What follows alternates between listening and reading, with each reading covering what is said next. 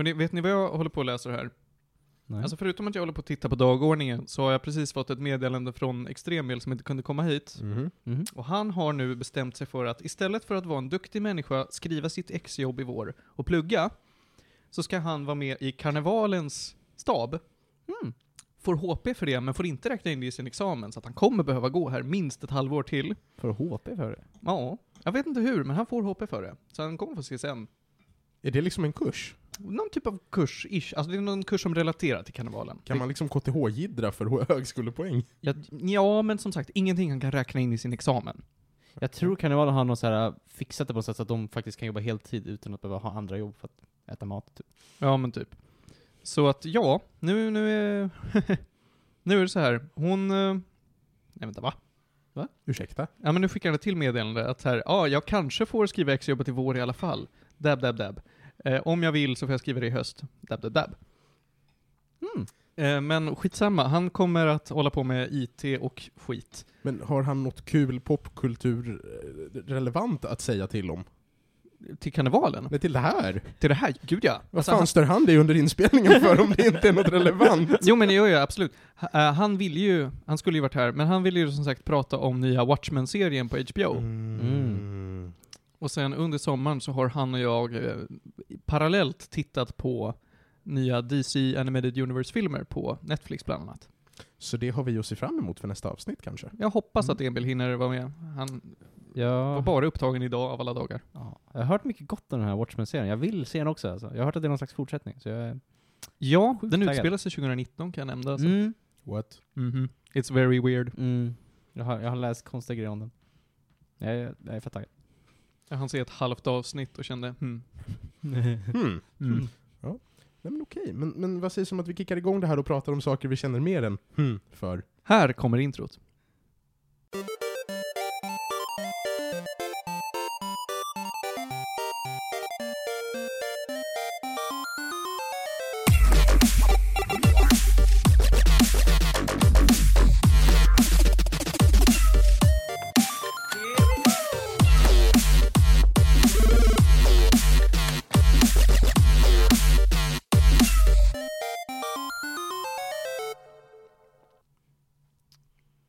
Hej allihopa och varmt välkomna ska ni vara till säsong 6 av Medis Radio Trendigt Värre, podcasten om allt möjligt fin och fulkulturellt.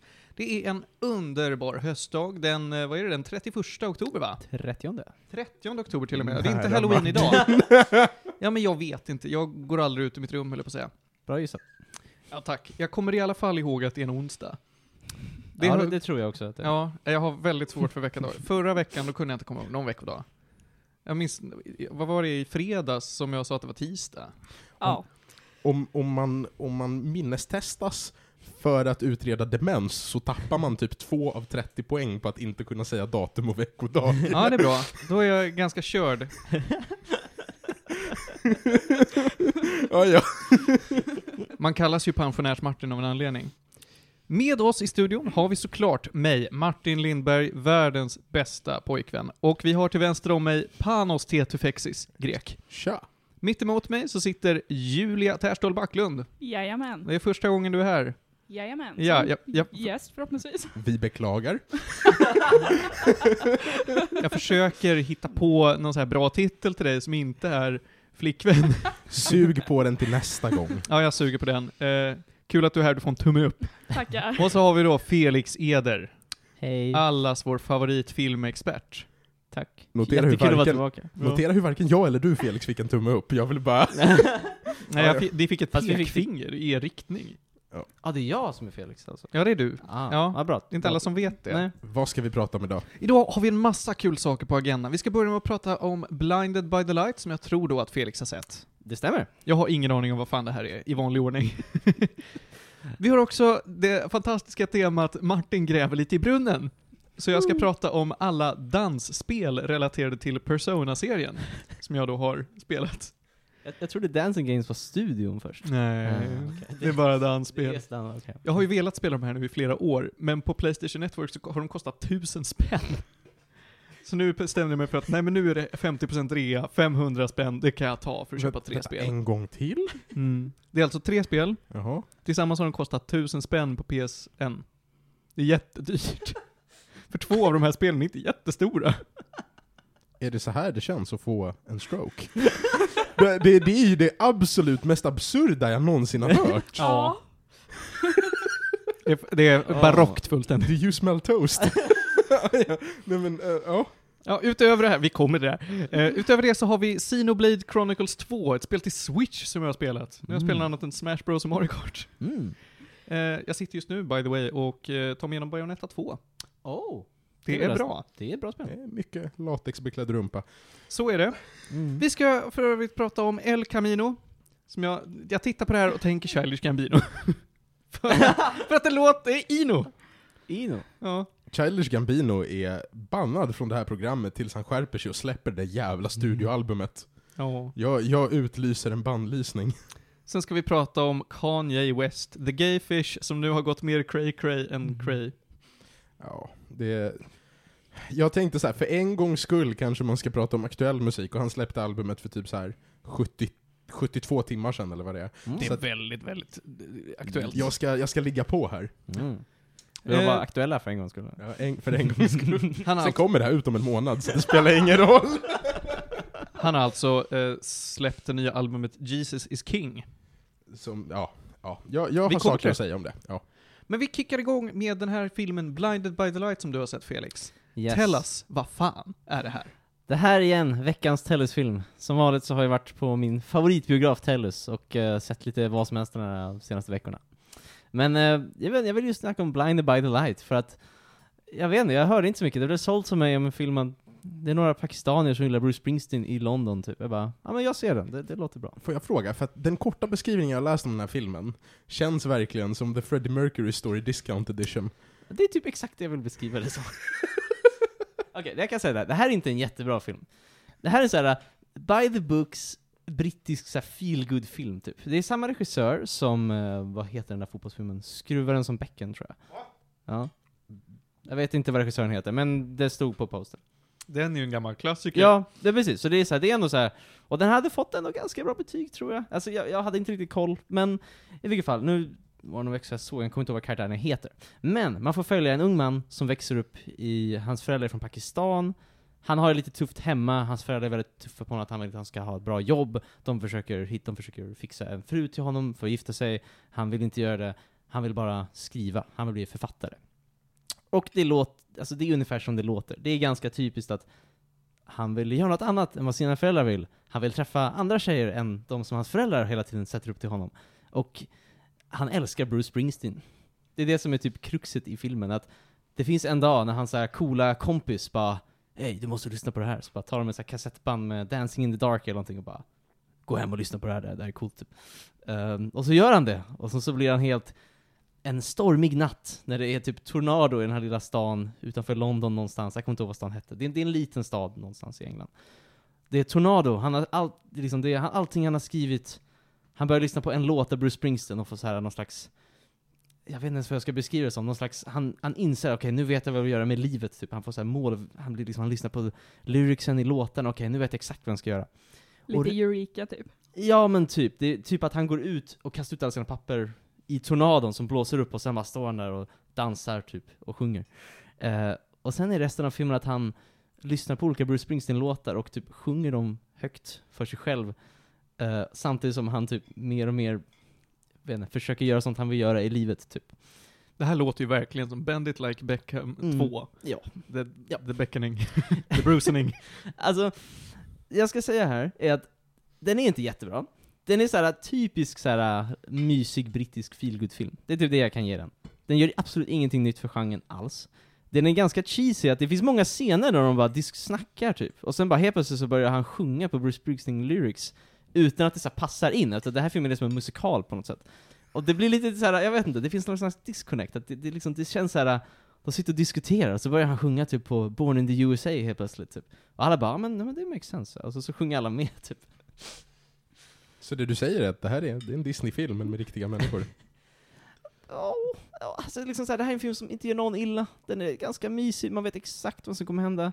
Den är inspired by a true story, den här snubben fanns på riktigt. Och här typ ett jättestort Bruce Springsteen-fan, men jag tror inte det är typ så långt den som är historiskt korrekt. Ehm, ja, alltså det, det, är- det är mysigt. Om man gillar Bruce Springsteen-musik, vilket jag gör, så är den ganska mysig att kolla på. Den är så här en och en halv timme, lite mer. Ehm, men alltså det är verkligen inte mycket mer än det. Mysig brittisk film liksom. Visst har vi nämnt i den här podden att jag aldrig kan komma ihåg, alltså jag, jag kan aldrig särskilja Brian Adams och Bruce Springsteen. Va? Jag tror att vi har nämnt det. Jag tror jag vet aldrig vem som är vem.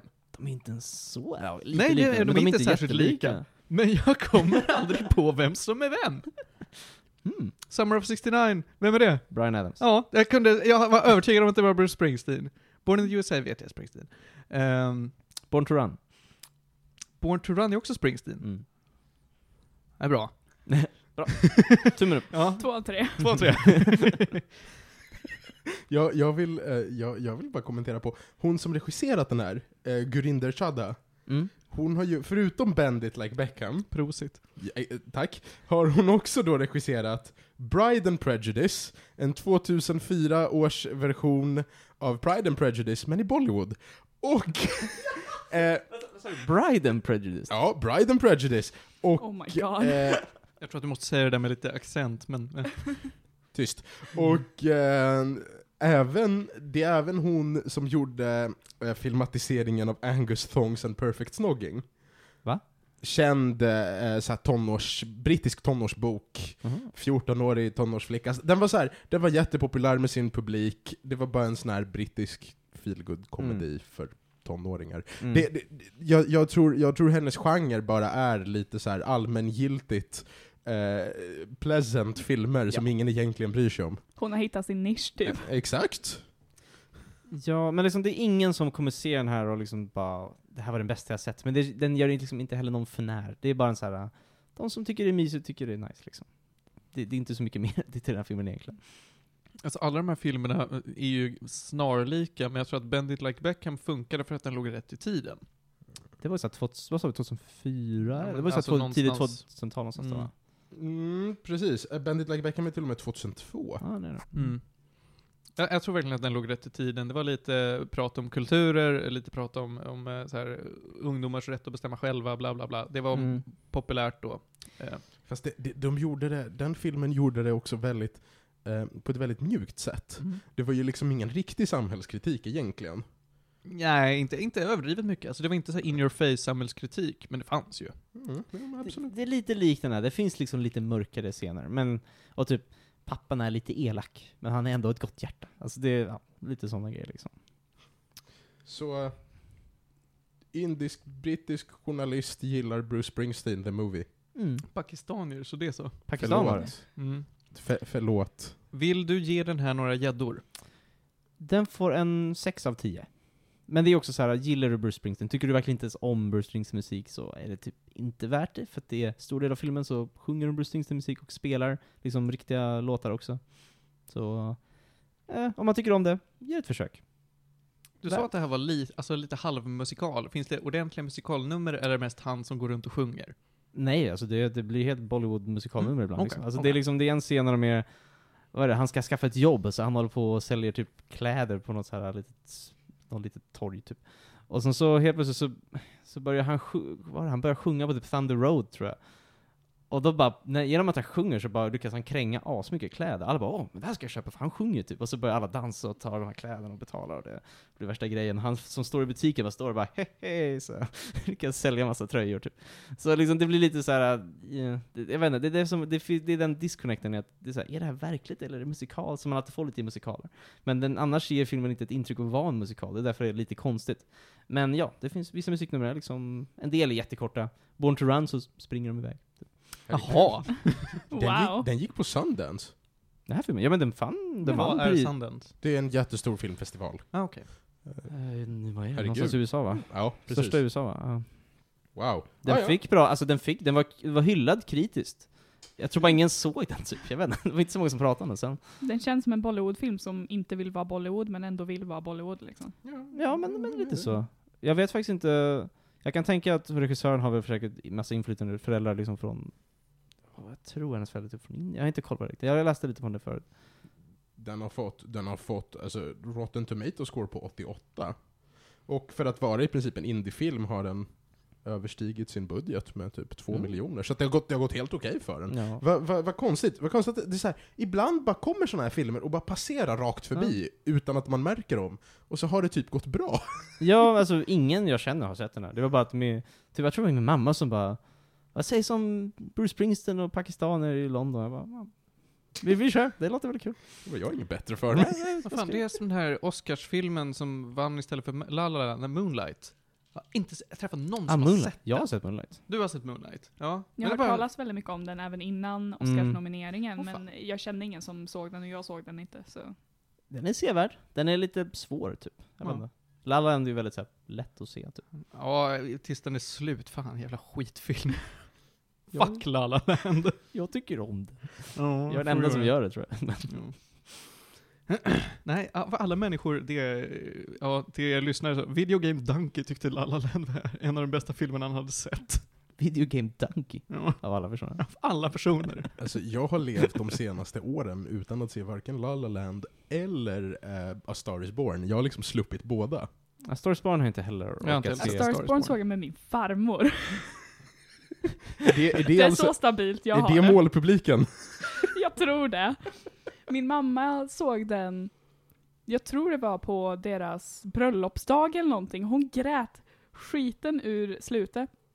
Så hon sa det, jag trodde det skulle vara en bra film. Och där har vi betyget på Star Is Born. Med Bradley Cooper och... Ja, ja, ja. Men har du sett La La Land? Nej det Ja, har men jag gör inte. det. Jag vill Jag inte se Land. Men, men okej, Blinded by the Light. Eh, Hitta den på Netflix någon gång. Ja precis, är alla, Kör det. andra, är alla andra alternativ konsumerade? Men liksom, är ni sugna på lite mysig brittisk mysfilm, typ? Kör. Alltså det är liksom, ni kommer inte bli ledsna. Om vi säger nu 2019 då, ska man se den här istället för Bend It Like Beckham, om man inte har sett den? Alltså nu var det jättelänge sedan jag såg Bennett Like Beckham, men jag tror att det är en bättre film.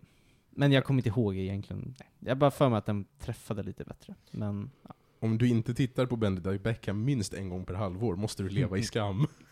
Ser du Shite. Bend It Like Beckham, har du sett Bend It Like Beckham? Ja, jag har sett den, jag har sett Okej. den tre gånger faktiskt. Ja. Och det är en film jag har klarat av att se tre gånger, vilket säger en hel del om den filmen. Ja, jag, Mr. Ser aldrig om filmer, har ändå sett den två gånger. Mm. Aldrig frivilligt, men ja. Jag har aldrig sett den så jag får leva i skam. Men du är väldigt ung. Sant, jag var ett år då. Åh herregud. Kan vi, okej. Ska vi hoppa vidare hörni? Åldersångest. Vi hoppar vidare, ja men det är ingen fara. Eh, fan, du dejtar också Bart. Jag kommer behöva klippa hela det här segmentet. Helskotta. Ehm, Ja, vi går raskt vidare tycker jag och hoppar på det fantastiska skapelsen som är då spi- fler spin-offer till Persona än vad man kan önska sig. Ja men det är ju så, för att de här spelen, är det ingen bad om det här. Persona-serien är ju i sig en spin-off till Shin Megami Tensei, som är en så här JRPG-serie. Jajamän. Den funkar, den håller, det är eh, väldigt, väldigt bra spel. Jag har pratat om dem tidigare, tror jag. Jag har, jag har aldrig, jag gjorde aldrig den här recensionen av Persona 5 som jag sa att jag skulle göra, Du- fem avsnitt, sen gav jag Ja. upp. Men på din uh, topp 20-lista så pratar man det. Ja, det är sant. Eh, jag tänker i alla fall inte prata allt för mycket om Persona-serien nu. JRPG, high school-ungdomar som räddar världen. Eh, all good stuff. Men då finns det ju spin-offer på de här då. Först så fick vi Persona 4 Arena, som var ett fightingspel gjort av samma nisse som gjorde Blaze Blue. Det var ett bra fightingspel. Folk sa så att ja, men gillar man fightingspel då är det här tummen upp liksom. Det är inte bara det rider på Persona-namnet, utan det var ett bra spel. Den fick en uppföljare som ingen bad om. Persona 4 Ultimax. Var De det PS3 eller var det... Nej, det var båda på, på PS3. Aha. Eh, Jag tror att eh, de finns på Xbox 360 också. Jaha, är faktiskt. Persona inte exklusiv, exklusivt till PS4 eller? Inte längre. Okej. Inte längre. Men, ja, skitsamma. Nu eh, finns den här skiten till eh, PS3 och Xbox 360 och hej och hå. Och det var så här, två spel man verkligen inte bad om. Sen har man Pers- Persona 4, nej, Persona Q. Som är något jävla handhållet spel. Där alla ser ut som chibis. Vad är det du tittar på Panos? Persona Dancing-spelet släpptes till Playstation Vita. Ja, det gjorde det också. Ja, det var där det släpptes till först. Persona 4 Dancing All Night kom till Vita. Jag försöker hålla inne skrattet men det går inte. Är du med på det här då? Håll med handen. Jag håller. Det här var ett av de spelen som Theo köpte på release till sitt PS Vita. Och nu måste vi bjuda in Tio för att mobba honom. Ja, Ja. fortsätt. Vi hoppar då raskt vidare till att då just de börjar släppa de här dansspelen, spel som verkligen ingen bad om. Det här Persona Q är också något mystiskt JRPG med lite andra mekaniker. Jag har inte rört det för att det verkar konstigt. Som att inte det här är konstigt, ja ja. Eh, det finns tre stycken dansspel. Först ett som är lite satsigare, som då har en ordentlig story, som då spinner vidare på Persona 4. Jag, jag, tror, ut, jag tror att det utspelar sig någonstans, ja men det gör det, någonstans mellan Persona 4 och Persona 4 Arena. Arena är också Ja, kopplat till... Arena är också kopplat till, alltså till storyn, men det utspelar sig ganska långt fram i tiden, tror jag. Oh, Mhm. Persona. Ja, Persona. Jag tror att Ultimax också är så här långt, långt fram i tiden. Jag, jag kommer verkligen inte ihåg, för folk är typ vuxna i Persona 4 Arena Ultimax. Whatever. Eh, där finns det en ordentlig story, du kan dansa och ha det, det är skoj. Jag tänker inte, jag tänker inte gå in på det här för mycket, men de, they defeat shadows by dancing Oh. and trusting in each other. Och det finns twist and turns och självmord och grejer. Själv? Ja, det är, alltså premissen är en stor popstjärna har tagit livet av sig. Och sen ska vi dansa.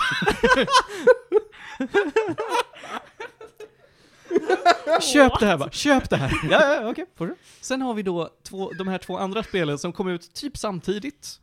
Och som är väldigt eh, nära relaterade till varandra. Persona 3, Dancing in Moonlight och Persona 5, Dancing in Starlight. De utspelar sig exakt samtidigt i två, alltså två intilliggande rum kan vi väl kalla det för. Ett rum? Mm, ett rum. De här är mycket, alltså de har, det märks att de har haft mycket mindre budget. Det finns ingen ordentlig story. De är jättekorta och sådär, men, men de har... Åh nej, det saknas ordentlig story i våra dansspel. Vad ska vi göra? Jag var faktiskt lite irriterad. men jag har mina prioriteringar Såklart var. helt åt helvete. eh, den main-mekaniken i de här spelen, jag tänker inte ens prata om storyn för att det är så här, ja du eh, pratar lite med dina companions från Persona 3 respektive Persona 5 och ni blir ännu mer kompisar, ni dansar och så är det kul. That, that's it. That's it, verkligen. Mekanikerna funkar som så att det är ett rytmspel där du ska följa instruktionerna på skärmen. Det är som att spela DDR, liksom. Alltså Mm. Dance Dance Revolution. Eh, men istället för fyra olika knappar så har du sex stycken. Du har då på din, eftersom jag har kört på Playstation 4 så utgår jag från dem, men det är typ identiskt på vita. Det är då upp, vänster, ner, det är triangel, cirkel, X. Tada! Och sen så kan du trycka på de här på olika sätt. Du kan trycka två samtidigt, du kan hålla in dem. Och för, om du vill så kan du scratcha lite för att göra så här coola eh, bonuspoäng genom att dra i en spak. Because why the fuck not? Så att du sitter där och, och skiftar vilken tumme du nu vill till att då och då så drar jag en spak. Och så kan du spicea upp det genom att göra det lättare för dig, genom att se till att även om du inte scratchar med spaken så får du bonuspoäng, eller gör det svårare för dig så att noterna kommer flygandes i bågar, eller är osynliga. I bågar? Ja men alltså så att de flyger som en, eh, ja jag Mm, ritar ja, i luften just ja, nu, ja. men som att du åker slalom. Mm. Finns det ingen motion controls eller någonting? Typ 6 axis eller? Nej, Det är bara- six axis. Vi pratar, om, vi pratar om PS Vita, det är en konsol från 2012. Vad tror du den har? PS3 men- hade six axis. Ja precis, 6 Ja, axis. PS3 ja, men det här är Vita. Har Ja, inte ja. vita någon gyro eller något sånt? Jag tror att det finns gyro i vita. Jag, jag vill minnas det. Ja. Men skitsamma. Alltså nu börjar jag bara få slut på saker att prata om gällande det här, de här spelen. Gillar man Persona jättemycket som jag gör, då är det värt det. För den som inte ens investerade i serien, nej! Nej, nej, nej. nej. inte för tusen kronor på Inte för tusen spänn liksom. Ja, nu är ju rean över, så nu är de uppe på tusen spänn igen. Jag vill, jag vill bara pausa och be om ursäkt till världens sämsta handhållna konsol, PS Vita. Ja, den har faktiskt Six Axis. Den här ja. Jag ska inte bullshitta för mycket.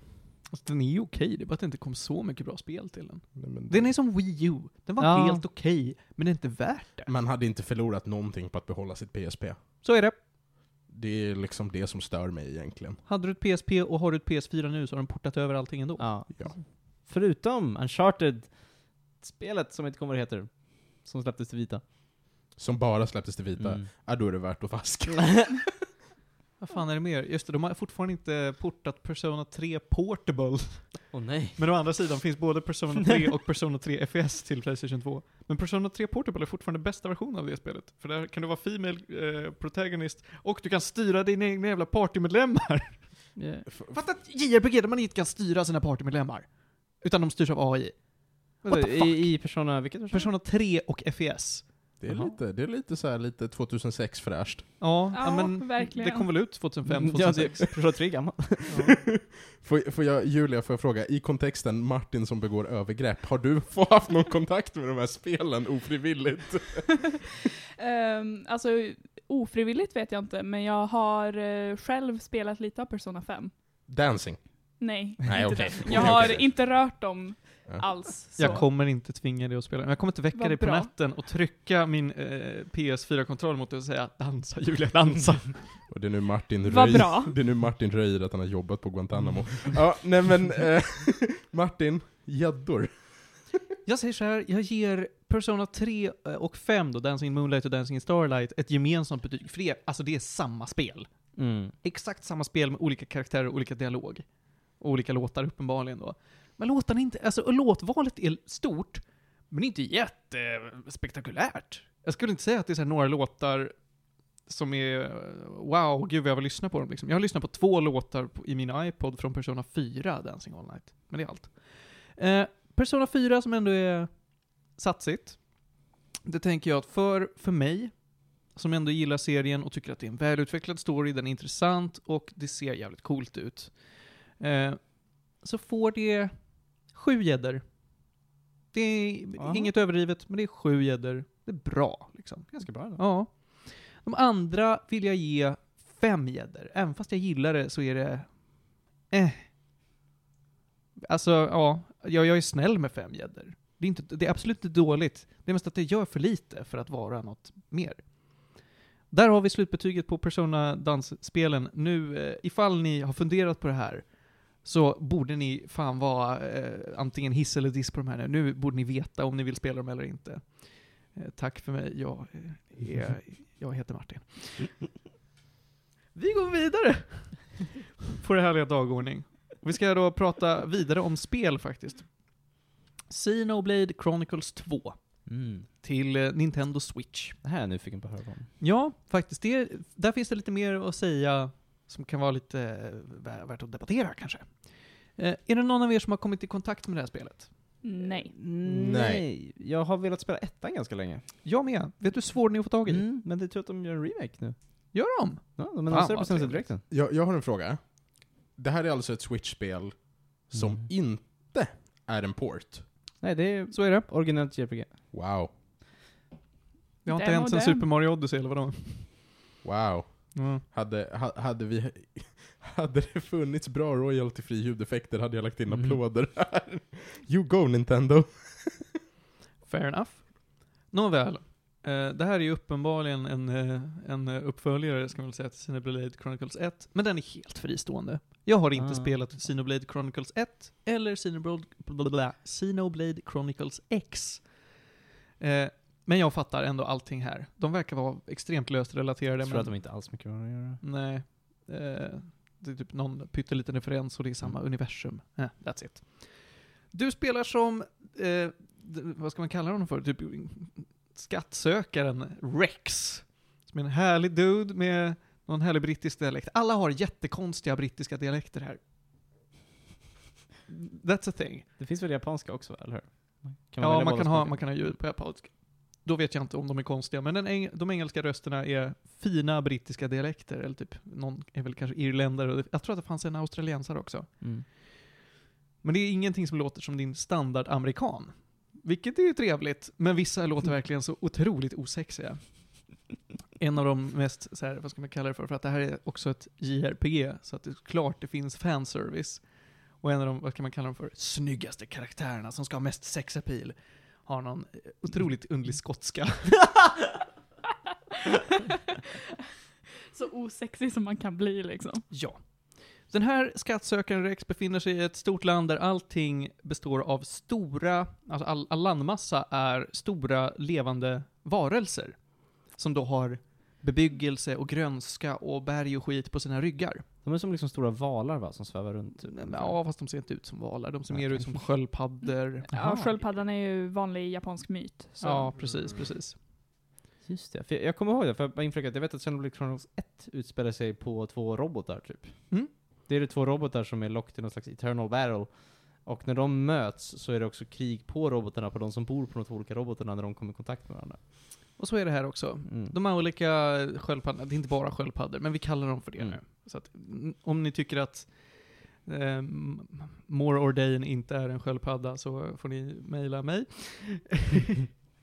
Medisradio.gmail.com eh, De nationerna som bor på de här sköldpaddorna, de eh, slåss ju också mot varandra. Varför gör de det? Ja, det är helt onödigt. vad, vad tittar du på mig sådär för? Varför ger du ut vår e-mailadress i det syftet? För att mejla arga mejl? Ja. Men sa inte det sig självt? Rex får något uppdrag av, eh, han, han är så här, skattsökare som bor på sin egen lilla titan. Som har något namn som nämns typ fyra gånger, men han kallas för Gramps. Eh, och han får något uppdrag för att han behöver tjäna pengar, så han kan skicka det till sin hemsköldpadda. Även hans hem, hemby. Eh, där han ska hitta någon skatt långt ner i, under, Sköldpaddan. under sköldpaddan. Eh, det här visar sig då vara en levande varelse, en så kallad eh, Blade. En Xenoblade, nej.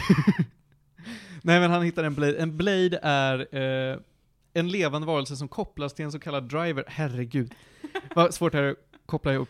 Vissa, vissa personer i världen har någon typ av potential inom sig att de kan bilda ett band med en, med en Blade. Så det här är alltså Avatar, Ungefär. fast utan Pocahontas. Ja, utan Pocahontas. Eh, och med mycket mer tuttar.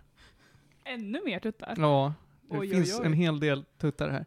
Men ja, eh, en Blade kan vara allting från liksom acute anime eh, thought till en tiger, eller en stor robot, eller något annat coolt. Men de är bundna till olika stenar, så att om drivern dör, då dör också eh, bladen och den blir en sten. Och så kan någon annan då ta över och skapa ett band med den här bladen. Eh, visst, uh, du säger till och med fel, visst är det att de här uh, grejerna blir som svärd typ? Eller du använder dem för att faktiskt slå folk med, eller? Ja, men man kan säga det. Du tar Man, upp man slåss slår ju tillsammans med dem och Ja. varje Blade har, alltså kan manifestera ett eget vapen. Ja, så var det. Alla Soulblade? Nej, jo heter. Soul Eater menar jag. Så Mm. Ja, precis. Alla soliter. Precis så är det. Eh, och Vänta, den, vänta. den Blade som då de hittar eh, på det här uppdraget visar sig vara The Aegis, som är något supermega stort vapen som kan ta över hela världen. Mm. Och den här, eh, ki- skit händer och Blade, eh, Bladen då, eller som hon heter, fan heter, Lyra? Heter hon Lyra? Jag vet inte, kan du Ja, googla? Jag tänker inte googla på det här. Jag får Det här är en grop du själv har Ja, jag grävt. vet, jag vet. Alltså de heter så mycket saker och jag har spelat så mycket spel. Myra kanske? Nej, Retorisk Mithra. fråga, är det orimligt att hata japansk storytelling när allt de gör är att trampa varandra i samma klichéer? Jag tycker det här låter så sjukt Nej, nu kommer jag på det. ohett i form av en story. Det är liksom mot, det är motsatsen till upphetsande. Va- Ja, men jag kommer till vad storyn faktiskt går ut på, vad målet är. Det har bara Jag är inte där ännu. Ja, det här är liksom, det här är the preface. Ja, där är det preface. Ja, men det är verkligen the preface. Tutorial i det här spelet, eller då början, prologen, är så jävla lång. Alltså det är skitlångt, så här 20 timmar eller någonting. Ja! Va? Ja! Så vi Något snackar, sånt. Hur vi långt är det här snackar spelet? liksom Kingdoms of Amalur Reckoning. Jag tror att jag blev klar med, med det på mm, typ 100 timmar. Och det var för att jag då till slut bara sprang igenom det i den mån jag kunde. Eh, I alla fall då, han blir, eh, han bondar med den här tjejen som heter Pyra, inte Lyra, det är en tränare i Pokémon. Nästan. Ja. Eh, och de kommer fram till att det finns en elak eh, terroristorganisation som vill ta över världen basically. Nu blir det spännande. Ja. Terrorister. Eller hur? Det säger du, man med skägg. Fortsätt. Ja. Fortsätt, vi börjar komma till de bra delarna. De kommer fram till att ja, men eh, det finns tydligen, det finns ett enormt träd med liksom the world tree och på toppen av den där finns paradiset. Ehm, så dit vill de komma. Och det är premissen. De springer runt mellan olika sköldpaddor och hjälper folk för att bli starkare för att kunna ta sig upp på, till paradiset. That's it. Nu till mekaniken här då, att combat, Mm. det gör du inte själv som, alltså som person, som spelare. Så trycker du inte på någonting för att göra combat, utan den görs åt dig. Det är såhär autocombat. så Ja men jag, jag har för mig att ettan hade något sånt också va? ja, jag vet Jag inte. tror att det var någonting att, precis, du ställer in någonting och sen så allting går så... Jag, jag har Ja, men det, av går, det. det går av sig själv. Så att du bara targetar en fiende, du bara slår på den och så får du använda specialattacker. Mhm. Det är otroligt underligt. Det är lite som Nino Kuni. Lite grann. Skitsamma. Ingen plockar upp den bollen. Eh, det tar ett bra tag att vänja sig vid. Det är väldigt konstigt att man bara står och stirrar liksom. Men är det kul, eller är det bara långtråkigt? okej. Det är okej. Jag skulle inte säga att det är så här överdrivet kul. Det är, det är okej. Jag hade föredragit någonting i stil med typ Kingdom Hearts, för att det finns potential för det. Men nej. Mhm. Um, aesthetics, för jag tänker inte prata om det här mer. Du kan equippa olika blades, inte bara Pyra. Ehm, och du får olika companions som också har sina egna speciella blades. De levlar upp, de får nya specialattacker, yada yada yada. Eh, varje blade som man kan plocka upp, eller varje cool blade, man kan ha jättemånga basic blades och så finns det x antal speciella blades. Och de har sina egna questlines, stories och grejer. Det är rätt fett. Som sidequests. Um, Aesthetics är fantastiskt vackert. Det är allt från, eh, alltså allting man kan tänka sig i ett fantasy JRPG. Och de här sköldpaddorna är coola. Det ser lite, jag vet att karaktärerna ser väl lite så anime-aktiga ut liksom, eller Mm. Jämfört med ettan var väl inte så mycket så va? Jag vet inte. Nej, du, du har inte sett Jag har någonting från ingenting från ettan förutom okej. Shulk. Och det är min favorit Naked Boy liksom. Mm. Han ser ut som mig. så varför ska jag inte älska mig själv? Ehm, Men ja. är det liksom, alltså, nu ska jag säga, är det liksom att du springer runt och gör sidequests och liksom är det en open world? Hur, hur liksom är själva day-to-day gameplay liksom? Hur, Det, det är ett open world, du kan springa runt och slakta mobs, eh, du kan göra sidequests, du kan crafta en massa skit. Det finns en abundance av sidequests och specialgame, alltså så här spellägen man kan ta sig in i. Mm. Bland annat så är en mekanik som de trycker mycket på, som jag tycker är rätt tråkig, att då dyka ner under, allting svävar ovanpå moln nämligen. Liksom alla de här glider runt på moln, Mm. sköldpaddorna. Du kan dyka ner under molnen och hitta skatter. Och det gör du genom så här, eh, vad heter det? Eh, quicktime events. Oh. Ja, det är ju allas Mm. favoritmekanik, eller hur? Mm. Mm. Jag bara skojar! Ja, och för det får du skit som du kan crafta saker med, eller så får du en, typ pengar. Okej, absolut allting med det här spelet gör mig obekväm. Mm. Får jag Det fråga? här är så inte ett spel för dig, Panos. Nej, jag har så, förstått alltså, Du det. ska aldrig ens slicka på det här spelet. Nej, Jag vill inte se det på avstånd. Mm. Ehm, vad tyckte du om musiken? Titta på det på avstånd. Titta på det. vad, vad tyckte du om musiken dock? Seriöst? Alltså jag tycker den var bra. Eh, den var väl stundom lite repetitiv för att vissa zoner är mycket större än andra. Mm. Och där stannar man mycket längre och får höra mycket samma musik om och om igen. Och det tycker jag är ett av de största problemen, att vissa zoner går så sjukt fort medan andra går så oerhört långsamt. Mm. Så att det känns som att pacingen är lite all over the place. Mm. Å andra sidan, eh, alltså eh, hmm. timingen mellan liksom att du gör saker och cutscenes och skit, den är rätt okej. Men i vissa fall, då blir det lite Metal Gear Solid. Att en cutscene kan vara 45 minuter. Man tittar på en film liksom. Ja. Jag har eh, råkat somna under en cutscene för att den var så otroligt lång och väldigt långtråkig. Det, det är ju ett bra betyg det. Men det har sina fördelar. Det är, alltså, det är ett intressant spel, för det finns mycket att upptäcka, världen är häftig, sakerna du kan levla upp dig själv med och crafta och grejer är ascoolt, och många av de specialeffekterna som, alltså specialattackerna som man kan låsa upp till sina olika eh, blades är jättecoola och, och så här, känns belönande att använda. Men det går lite långsamt, det är en konstig fighting mechanic, och storyn är lite konstigt pacad. Anledningen till varför jag frågar om musiken Ja. är för att snubben som producerat musiken till eh, Xenoblade-serien, eh, Yasunori Mitsuda, eh, bland annat gjort musik till Chrono Trigger, han har gjort Mm. musik till några Kingdom, eh, inte Kingdom Hearts, förlåt, eh, Final Fantasy-spel, han har varit involverad i lite Oh. Megaman, lite Smash Bros. Så, så att jag tänkte så här, är det någonting som är bra med det här? Men jag säger att allting är minst bra. Alltså ja, det är ett bra spel. Jag är väldigt nöjd att jag spelade det. Ja. Ehm, och jag har också funderat på om jag ska plocka upp det bara för att göra klart alla coola sidequests med, med alla spännande blades. Men det tar så lång tid och man får egentligen ingenting rent praktiskt för det än upplevelsen.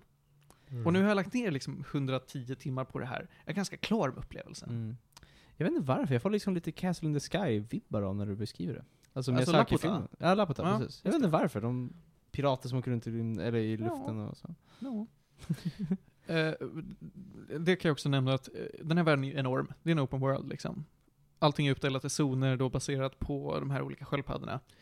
Eh, och det finns quick travel. Och det är fantastiskt. Det här spelet hade aldrig funkat utan det. Det hade varit så oerhört långsamt. Mm. Du kan quick, quick travela lite överallt. Alltså fast travel är superb. Vi- många sidequests som man tror ska vara jättefeta visar sig vara jättetrista och vice versa. Vissa som vis, Finns man, det vissa riktigt bra sidequests man kan? Ja, det finns det. Särskilt relaterade till olika blades. Ja. Det är oftast det jag har problem med japanska RPG, att det, är- jag tycker alltid sidequests känns alltid som någonting throwaway, som att så, här är någonting du kan göra, hämta en sallad typ. Och de varierar från hämta en sallad till ta reda på varför det här eh, terroristorganisationen eh, mördar någon i en bubbelpool. Med bubbelbar? Bubbelpool. Bubbelbor? Ja. Everything in the day of an assistant. Lite så. Lite så. Ehm, jag tror att det är det. Just det, ja, någonting som jag också stör mig lite på är att alla blades kan ha olika passiva förmågor. Eh, som man kan använda sig av i den här världen. Till exempel att, ja men jag är bra på mm, leaping, alltså min, min, ger mig förmågan att kunna hoppa högt. Och det är någonting man bara kan använda vid specifika punkter för att ta sig igenom liksom, ja, det är så här, ja men du måste ha levelat upp de här skillsen för att kunna hoppa upp för den här väggen typ. Mm. Och de är ju ett helvete att grinda. För att det är många, alltså ett ställe i storyn specifikt, där du inte kan komma vidare om du inte har rätt skills. Så där tar spelet helt stopp. Och det Mm. tog stopp för mig, jag var tvungen att göra alla sidequests jag kunde, och springa ut och fightas, och yada yada. Och annars så är det mest för att, ja men om du vill klara de här sidequesten, man kan tänka sig att ett sidequest är väldigt lätt, tills det bara än en gång tar stopp för att du inte har rätt skills. Mm. Och det suger. Jag- Jag, jag vill passa på att shamelessly promota spel jag tycker gör det här bra istället. Mm. Som The Cave och Bastion. Helt rätt. Där du liksom... Bastion, ja. Ja, Bastion. där man väljer, man väljer antingen, i Bastion väljer man vapen och i Cave väljer man sin triad. Och det kommer tvinga dig genom olika vägar, för att dina vapen duger inte till att öppna vissa grejer. Eller, men, men det känns aldrig som att det begränsar dig. Du, det lägger liksom inte på tid på spelupplevelsen, det lägger bara på variation. Eh, det verkar vara en sån här grej spel har svårt med att göra rätt. Alltså, det är ju tråkigt Jo. i ett rollspel när du liksom bara, nej du valde fel. Bara, ah, okej. Du måste När det blir en liksom, väg man Mm. kan gå som man ska gå, för Mm. att annars kan man inte liksom. Precis, det är ju trist liksom. Mm. Men jag tänker så här då, att det finns liksom en, en sätt väg att gå. På vägen så ser du massvis med, eh, vi säger kistor då, som du kan öppna. Mm. Och så märker du att, nej men jag har inte rätt skills för att öppna dem. Oj, de kräver jättemycket av en grej, för att du är väldigt tidigt in i spelet. Men när jag väl kommer tillbaka hit, då kommer det vara fantastiska skatter i den här. Näpp. Det kan vara hit och miss, det kan vara världens lättaste att öppna kista, som belönar dig med tonvis med Mm. eh, guld och ädelstenar. Och sen en supersvår kista som belönar dig med lite, lite guld. Det är ju också dåligt, för då är det så att då bygger man upp förväntningen med hela spelet bara, Exakt. den där kistan, du har fått den här skillen, så bara, ah, nej, fem guld bara. Ja. Så det, Som tur är det ju, går ju fort att fast travela mellan alla de här Mm. ställena. Men när du verkligen ser fram emot någonting, att ja men bakom den här väggen, där finns nästa grej. Och i vissa fall, i vissa sidequests, då är det bara bakom den väggen finns en annan vägg. Och det gör, eh, med det vill jag avsluta mitt snack om Xenoblade Chronicles 2. Jag må låta hård, men det är ett bra spel liksom. Det är inte perfekt. Därför Nej, alltså- ger den inte ett perfekt betyg heller. Ja, för jag har kollat lite på det här, och jag tror inte riktigt det är min genre heller, men folk som tycker om JRPG har jag ändå hört säga att det här är ett bra spel liksom. Det, Alltså vill du får du låna det, men förvänta dig att det kommer äta upp tid du inte har. Ja. Nej precis, det är det jag tänker också. 100 timmar är inte det jag har just nu. Nej. Och särskilt att, att, att komma in i det här spelet är fruktansvärt. För att än en gång koppla till Video Game Donkey tror jag att han sa, visade väldigt bra med alla pop-up tutorials som kommer. Det är verkligen, du går en meter de första 20 timmarna. Ny pop-up, ny pop-up, ny pop-up. Och de förklarar så banala saker. Eh, Ja. Vill du ge några gäddor? Ja, det vill jag. absolut. Jag ger också det här sju gäddor. Det är målet som ett tråkigt betyg, men så är det ändå. Många av de här side- side-grejerna man kan göra, exempelvis så finns det ett spel som ser ut som ett Gameboy-spel, eh, där du ska Alltså det är ett minispel där du samlar på dig små skatter som du kan uppgradera en av dina blades med. Det, jag gjorde inte det på hela spelet, jag klarade mig alldeles utmärkt ändå. Mm. Det side, så här, så, minigamet sög, många av sidequesten tror man ska belöna sig med någonting, det suger. Eh. Det är inte tillräckligt bra för att få ett högre betyg, men det är ett bra spel. Det är bättre än average liksom. Jag kan bara säga att de annonserade ju, de ska göra en hel full HD-remake av uh, Xenoblade Chronicles 1, som ska släppas någon gång nästa år. De visar ju på senaste directen tror jag de visar trailer på det. Oj, vad oväntat. Alltså- en port. men ändå, Nintendo, alltså det här spelet- har det varit såhär ökänt svårt att få tag på liksom. Det går, finns ju inte. Nu, nu kan man snart köra en ny version av det. Ja. Det är coolt. Det var det hörni. Nu tycker jag att vi går vidare från det här och pratar om något helt annat. Och det vi har på agendan, det är Mindhunter säsong 2, som jag tror att ni båda har sett. Yes. Ja, jag pekar på Panos och Felix. Och Julia, du hade sett första säsongen? Eh, delar av den. Okej. Jag tyckte inte om den, så jag har inte så mycket att säga. Aha. Panos stirrar, stirrar eh, utmanande. Alltså, så här, jag är inte personligt kränkt, men jag är personligt kränkt. Berätta mer! Nej, jag tror det var att eh, jag aldrig investerade i den, så att jag tyckte den var jätteskum. Det var så här, att ha den i bakgrunden var inte en bra idé när man spelar något annat liksom. Nej, nej, det är inte, inte en sån sorts serie alltså. Men Nej. jag, jag höll faktiskt på att hålla med, det är en jävla skum serie.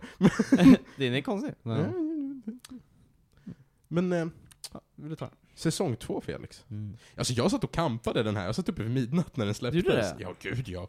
Jag, jag väntade på Netflix. så här, reload, reload, reload. Ja, det var, det var två år sedan säsongen. Den här serien, serien tar jättelång tid att komma ut. Ja. Jag tror det var så två år eller någonting sedan förra Jo, men säsongen. det är det nog. Mm. Det är det nog.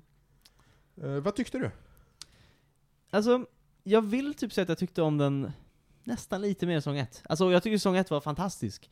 Jag tycker den här är väl, den är lite annorlunda, men den är väl så här lika bra, åtminstone, eller kanske lite bättre. Jag har inte helt bestämt mig än. Mm. Nej. Men alltså jag tycker ändå att den var, alltså igen, fantastisk. Det här är bland det bästa liksom detektivdrama-serien jag har sett liksom. Det är, Nej, men jag var också, jag var väldigt, väldigt imponerad över att den här, ehm, den här säsongen har inte den här ökända säsong 2-dippen. För det är många serier som dippar rätt hårt mm. efter säsong 1. Um, The Walking Dead, nej men Mm. alltså såhär, True Detective. Mhm. True Detective, Jättebra exempel på en säsong Mm. 2-dipp. Handmaid's Tale. Eh, Mhm. Oh ja. Mhm. Ehm, så, att, så att det här var en serie som höll sig. Ja, och för, för att recapa lite grann, vi pratade om det här för så här, fem avsnitt sedan eller någonting, inte allt för länge, ett, ett tag sedan. Så har vi, eh, det, här är, det handlar ju om de här FBI-agenterna som intervjuar eh, olika sorts, inte lönnmördare, seriemördare, eh, som sitter i fängelset och de pratar ju om olika liksom Serien handlar lite grann om hur de, det här är ju en sann historia, serien handlar om hur de satte upp sin behavioral science unit och liksom det, ja, de pratar med olika folk, försöker ta reda på vad kan vi sätta upp för olika spår för att kunna identifiera och profilera olika seriemördare? Och det är en stor del som säsong 1 handlar om. Det är väldigt mycket teori. Den här serien skulle jag säga är lite annorlunda för att de faktiskt löser brott på lite fler sätt än de gjorde i säsong 1, helt enkelt. Mm. Och jag tycker att den är, den är väldigt bra på att stick, göra sig annorlunda från säsong 1. Det finns fortfarande många delar som är väldigt lika, det är väldigt många mördare de fortfarande intervjuar. Um, till exempel snackar du med Manson, ett avsnitt, som har samma skådespelare som Manson från Once upon a time in Hollywood. Eh, ja, men fokuset i den här serien är ju Vänta ändå... stopp och belägg. Charles Manson är inte med i den filmen. Jo, Ursäkta? jo, han är med. Alltså han, det handlar ju om honom, men han är ju aldrig i bild. En scen. Det har är han med. visst det. En scen är jag med i. Vilken då? Han kommer och knackar på. Ja, han kommer knacka på. Va? Ja. Ursäkta? Det är ganska- Vadå? Det, det är ju hela poängen att han aldrig syns. Jo, Jo. det gör han ju! En scen är jag med i. Här måste jag googla upp. Han knackar på och frågar typ, bor någon här? Och så, så säger de nej, Och de och så bara, går nej, det var är den förra Charles ägaren. Manson som Ja, herregud! Är därför de- Vilken film tittade du på? Men jag tittar på samma film, men jag trodde det var en, Jag trodde det var en helt annan dude. Nej, det är därför de faktiskt gör grejerna sen, för att han... Ja, målet med attacken är för att det, det var ju hans typ gamla kollega eller någon, någon person han Mm, kände bodde mm, där förut. Så. mm.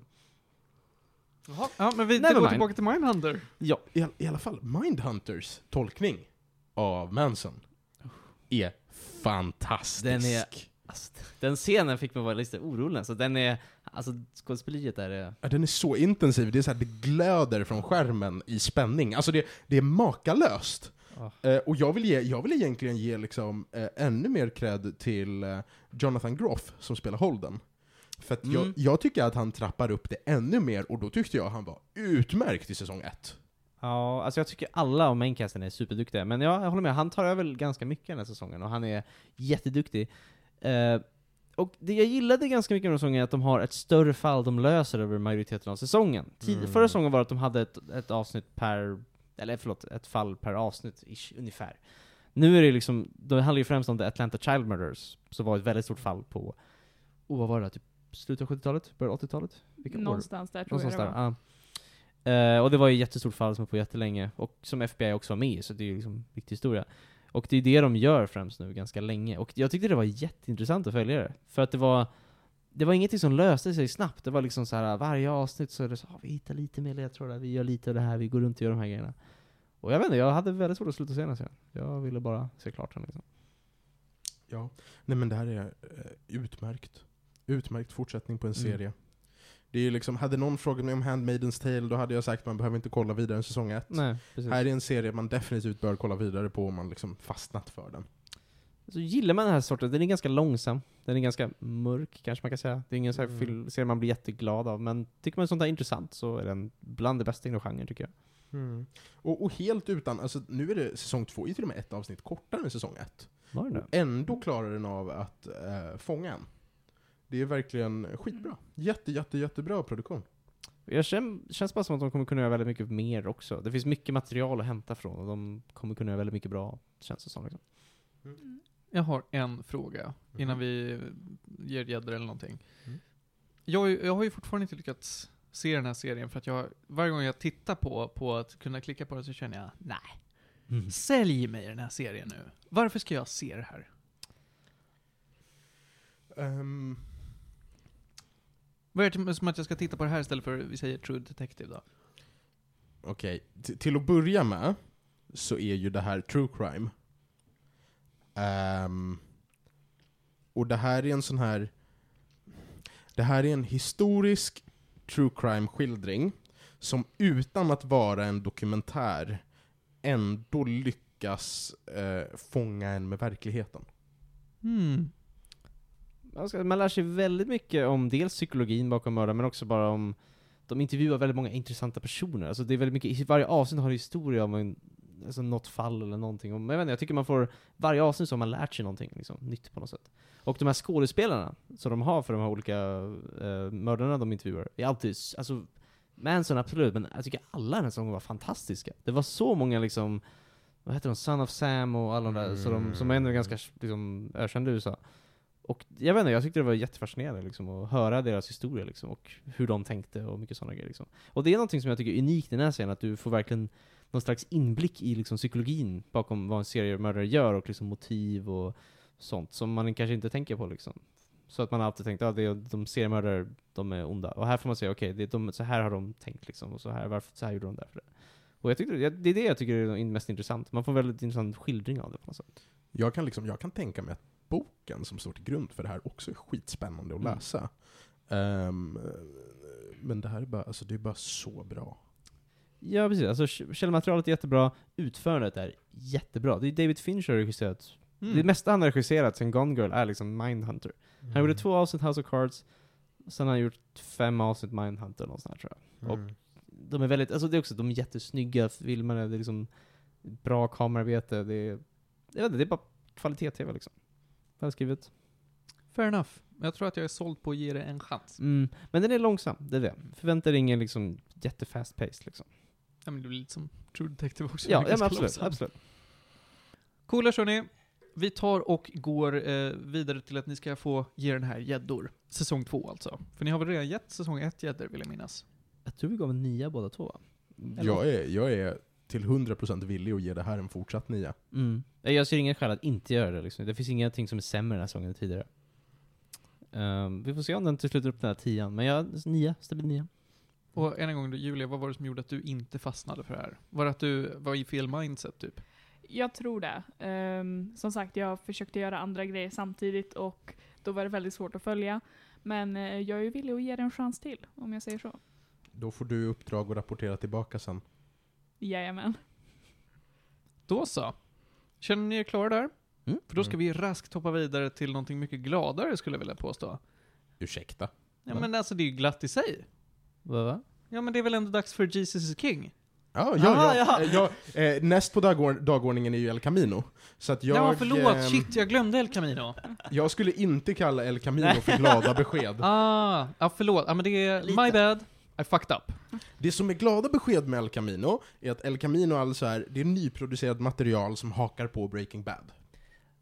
Yes. Igen. Och, nej men så här, det finns inget skit, skit i, i Better Call Saul. Som också är fantastiskt, men det är inte Ja, ja, ja, ja, ja. Men, men, men så här, vi har pratat om det här förut, du och jag. Jag tycker inte det behövdes mer av Breaking Bad. Mm. El Camino har fått mig att ändra mig. Oh. Alltså så här, Breaking Bad är fortfarande i min mening det bästa serien jag någonsin sett.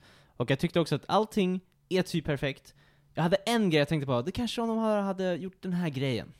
Och så gör de en film om exakt det enda jag tänkte möjligtvis de skulle kunna lägga till. Och nu har liksom Breaking Bad blivit bättre typ. Jag, jag, alltså jag hade svårt att se det, det här är ju sex år eller vad det är sedan serien Mm. tog slut.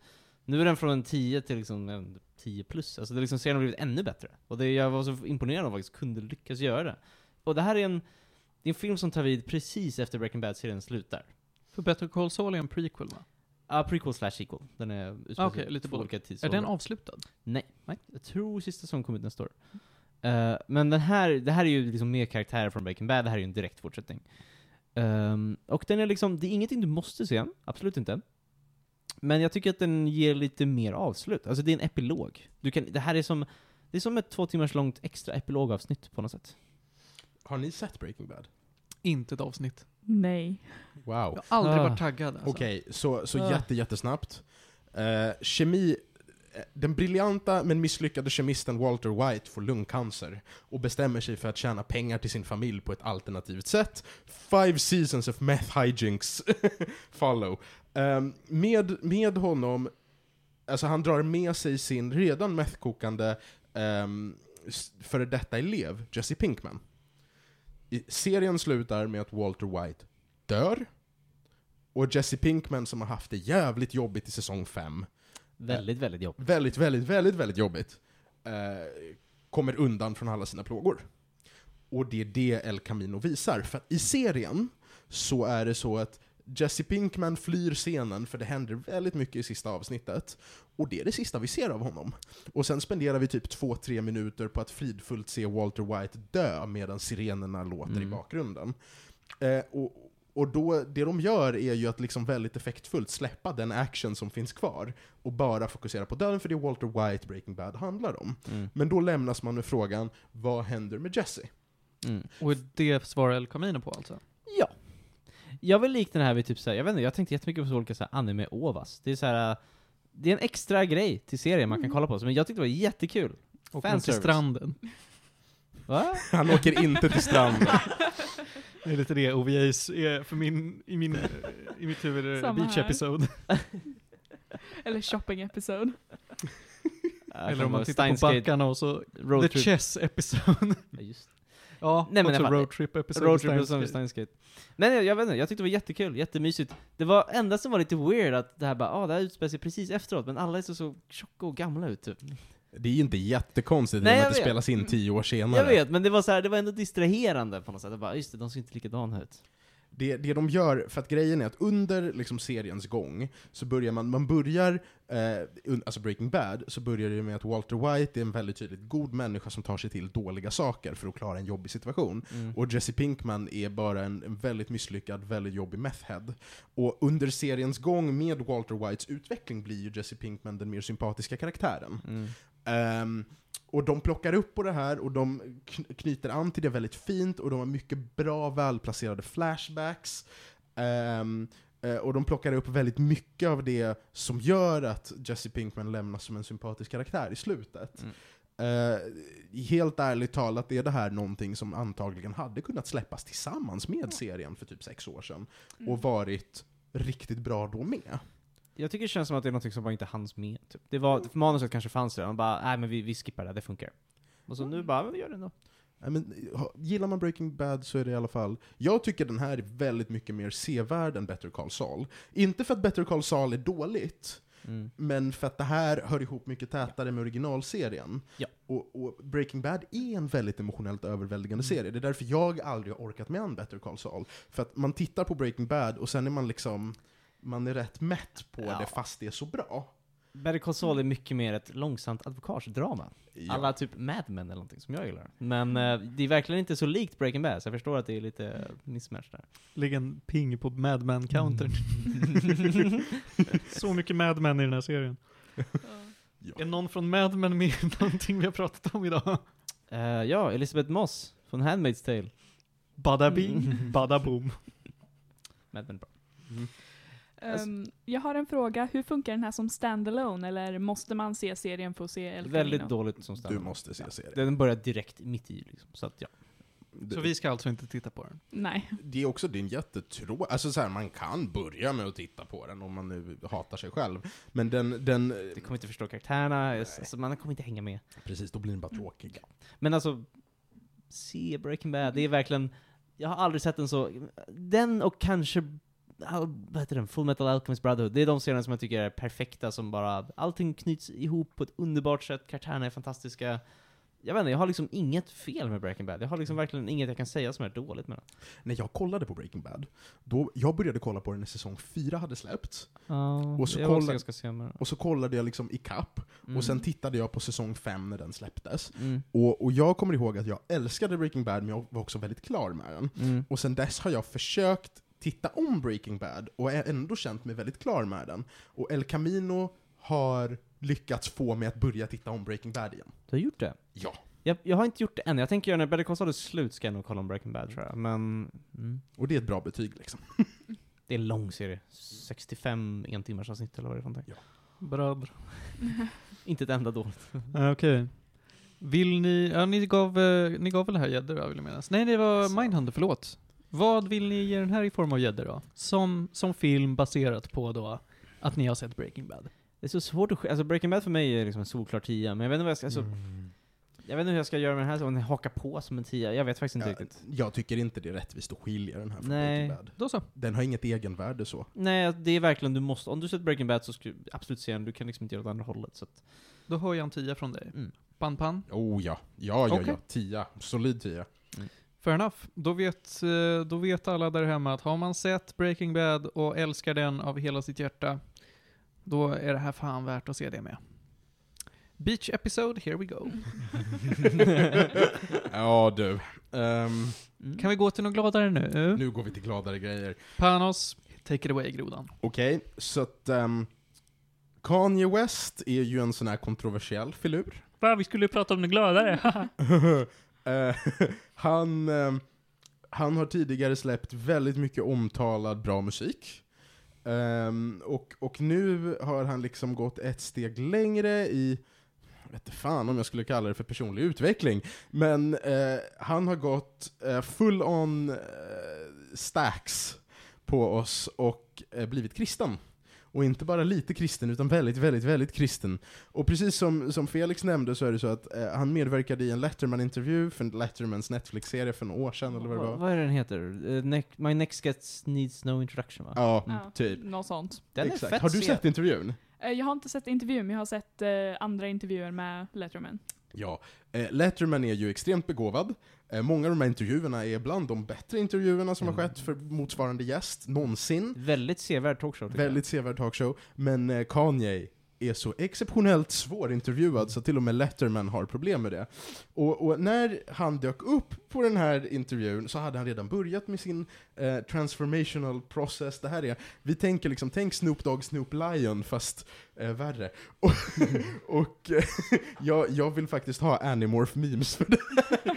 Eh, nej men, ehm, och, då hade... Maila er animorphmemes till medisradio.gmail.com. Jättegärna. Och då, då hade han alltså påbörjat någonting som han kallade för Sunday Service. Så då hade han tagit till någon så här lokal, jättekänd eh, gospelkör och gjort liksom ett projekt med dem där de varje söndag spelade musik. Och väldigt stämningsfullt, väldigt spirituellt. Det här har i alla fall resulterat i eh, det nya studioalbumet Jesus is King som droppade för typ fem dagar sedan, eller vad det är. Några dygn sedan i alla fall. Och Jesus is King är ett väldigt speciellt album. Det är liksom gospel-hiphop. Det är, Det kan funka. mm, det är väldigt mycket mer ehm, det är väldigt mycket mer intima, liksom närgångna vocals än tidigare. För att Kanyes hiphop har liksom, det är en tendens att vara ganska rå rap, eh, ganska aggressiv. Eh, inte mycket här. Och texterna är faktiskt också temaenligt eh, kristna. Det är, liksom, det är helt kristet, det är inte eh, gospelinslag som i Life of Pablo, utan det är faktiskt helt kristet. Eh, albumet är kort, det är bara 27 minuter. Jag tror inte det finns ett enda spår på det som är mer än 3 minuter. Eh, de flesta, I de flesta albumen så repeteras inte ens korusen mer än en gång. Eh, I de flesta låtarna. Jag, jag vet liksom inte vad jag ska säga om det här. Tyckte du om det? Det, det finns ett stort problem med det här albumet. Problemet med albumet är ju såklart att eh, Det är Kanye, Kanye. det är Kanye. ja, tack. Eh, Kanye West är ett musikaliskt geni. Mycket av musiken är riktigt bra. Alltså rytmerna är bra, ehm, hur han lägger upp, kadensen i rappen är bra, eh, väldigt mycket av hur han lägger upp musiken är bra. Men texten ekar så jävla tomt. Det är liksom, det är en sån disconnect från Kanyes public persona, eh, att, att det är jättesvårt att ta det på allvar. Det känns väldigt fake då, eller även Ja. om han är väldigt kristen vad det verkar. Ja, jag vet inte fan. Det känns, hela grejen känns bara fake. Och det absolut värsta är att han har lovat ett till gospelalbum innan jul. Så att jag menar, det, går, det kommer inte bli bättre from here on. eh, from here on. Ehm, I alla fall, är det två låtar man ska höra, så är det enligt mig en låt som heter eh, Water, som är jättebra, med Ant Clemens, som är en känd så här, gospelsångare, väldigt bra vocals, jätte, jättebra vocals faktiskt. Och sen eh, finns det en låt som heter Closed on Sunday, um, Closed on Sunday, You're My Chick-fil-A. Eh, väldigt Mm, ikoniskt, mm. har fött väldigt många memes redan första dygnet, men också i alla fall en av de bättre låtarna. Eh, Det här är ett album jag faktiskt rekommenderar att man lyssnar på. Det är lite som att skåda Roms fall på håll, det är liksom, eh, och det är bara 27 minuter. Så jag menar, det är inte jättemycket lidande om man inte skulle komma och gilla det. Är det bara 27 Det minuter? är bara 27 minuter. Hela studioalbumet är bara 27 minuter. Jag kan ta det på bussen till skolan. Nej, men på menar det. riktigt. På riktigt. Det är jättelätt att loopa igenom det här albumet.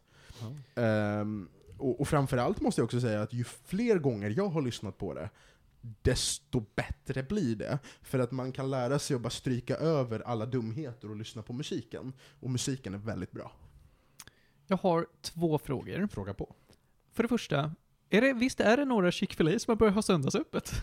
Det är, Chick-fil-A är en, en eh, snabbmatskedja i USA som är väldigt kristet grundad, så att den har vanligtvis söndagsstängt. Jag vet inte, det kanske de har börjat med. Jag, jag, jag har inte koll på Jag har det. för mig att några har börjat rucka på det. Några, ska inte säga hela kedjan. Det är säkert bara för att gidra mekanier. Ja. Fråga nummer två Ja. är ju då lite mer relaterat till det här, och lite mindre till kyckling. Eh, jag som inte är ett Kanye West-fan, jag Mhm. kan säga, jag kan räkna upp antal låtar jag gillar av Kanye West på handens fem fingrar. Jag tänker nog ta och göra det. Mm. Eh, Stronger, eh, Gold Digger, Power, Black Skinhead, och det var dem. Mm. Eh, kommer jag kunna uppskatta det här gospelalbumet? Inte som Kanye. Nej, okej. För- Men det är lugnt. Jag behöver inte uppskatta det som Kanye, för det gör jag redan inte. Alltså, Mm. Det känns som att det här hade lika gärna kunnat vara Jay-Z, liksom, som jag gillade låtar av. Mm, men jag, jag vill inte säga att det finns någon igenkänning. Okej. Knappt alltså. Verkligen. Det är bara komplexiteten som gör att det fortfarande är Kanye. För att det är komplext uppbyggda låtar, det är det. Eh, Men det är jättekonstigt. Det är Okej. jätte, jätte, jättekonstigt. Jag är såld.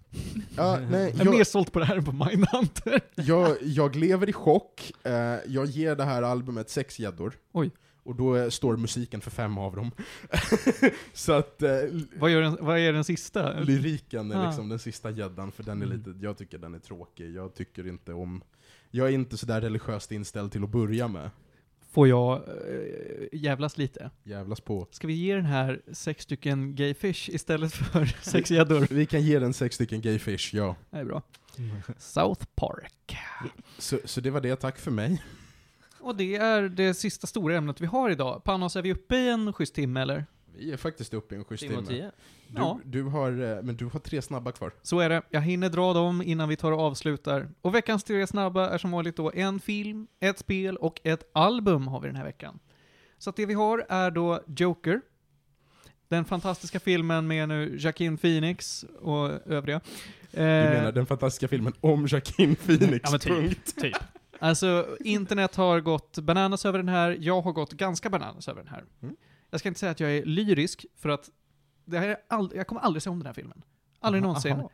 Men den var jävligt bra. Men det finns ingen anledning för mig att säga om den. Den är, den är rakt igenom helylle bra. Vi kommer gå in på, på Joker i sin helhet i ett senare avsnitt. Ja, jag skulle också vilja säga Once upon a time in Hollywood har jag samma tankar om. Den var bra, men jag kommer aldrig se om den. Det kände jag också. Mm. Jag har ingen, det finns inte så mycket återvärde i den tyckte jag. Men, För övrigt, vet man ingenting om eh, Hollywoodmorden så är den en ganska meningslös film att se, för den är inte så bra annars. nej. Ja, vad- Vi, vi pratar om Ja. Joker nu! Förlåt! Den var bra, men jag har åsikter om Once upon a time in Hollywood också. Okej. Eh, I alla fall så går vi vidare då, och sen så vill jag eh, att eh, veckans spel är då... Jag har ju pratat om Heroes of Might and Magic-serien eh, lite grann, eller hur? Vi har touchat på den. Ja, Panos nej. tittar uppåt i taket och gör kanintänder. Mm. Eh, Det jag vill rekommendera den här veckan är då att modda skiten ur Heroes of Might and Magic-spelen. Jag har nu på GOG-rean eh, nu under sommaren, eller typ tidig höst, köpt på mig alla Heroes of Might and Magic-spel som jag inte hade. Jag hade, jag har bara eh, fått låna dem tidigare av kompisar. Pirate Bay. Nu är det tyst, jag har andra kompisar. Så nu har jag då 1 till 7. Men jag märkte att alla de här funkar lite sådär på moderna datorer. Det finns en räddning. Fem, eh, trean och femman, som jag tycker är de bästa, har jättefina moddar. Heroes of Might and Magic 3, HD-modden, löser alla mina problem och Heroes of Might and Magic 5.5 löser ännu fler. Så de rekommenderar jag. Eh, för alla som gillar strategispel. Har ni inte spelat Heroes of Might and Magic, gör det för fan. Vilken, vilken ska en spela? Vilka var Trean och femman.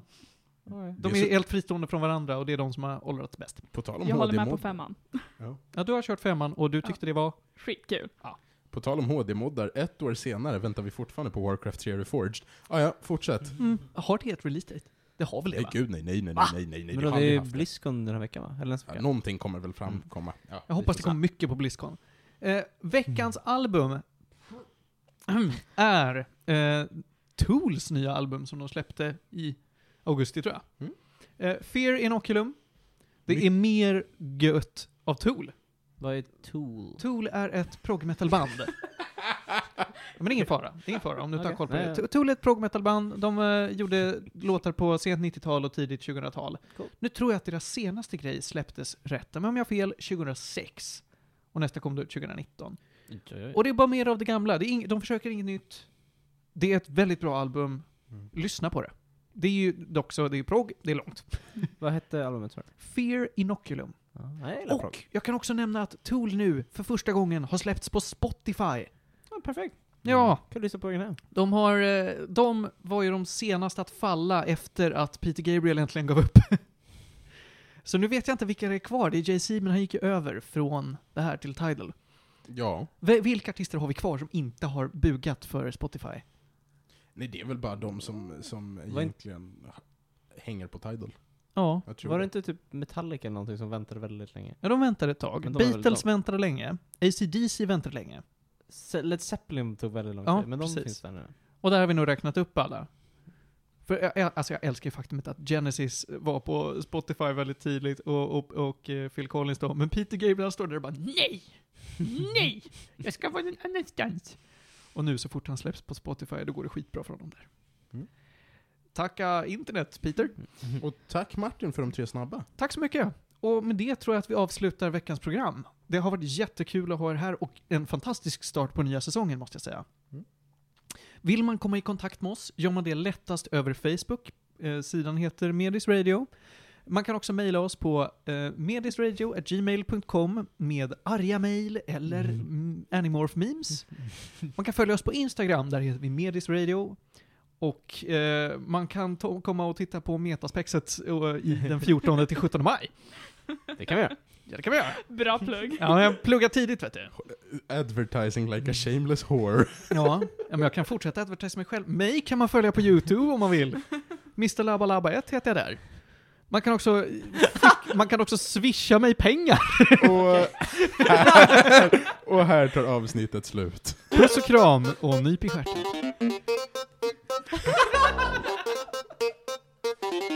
Det blir bra avslut när jag...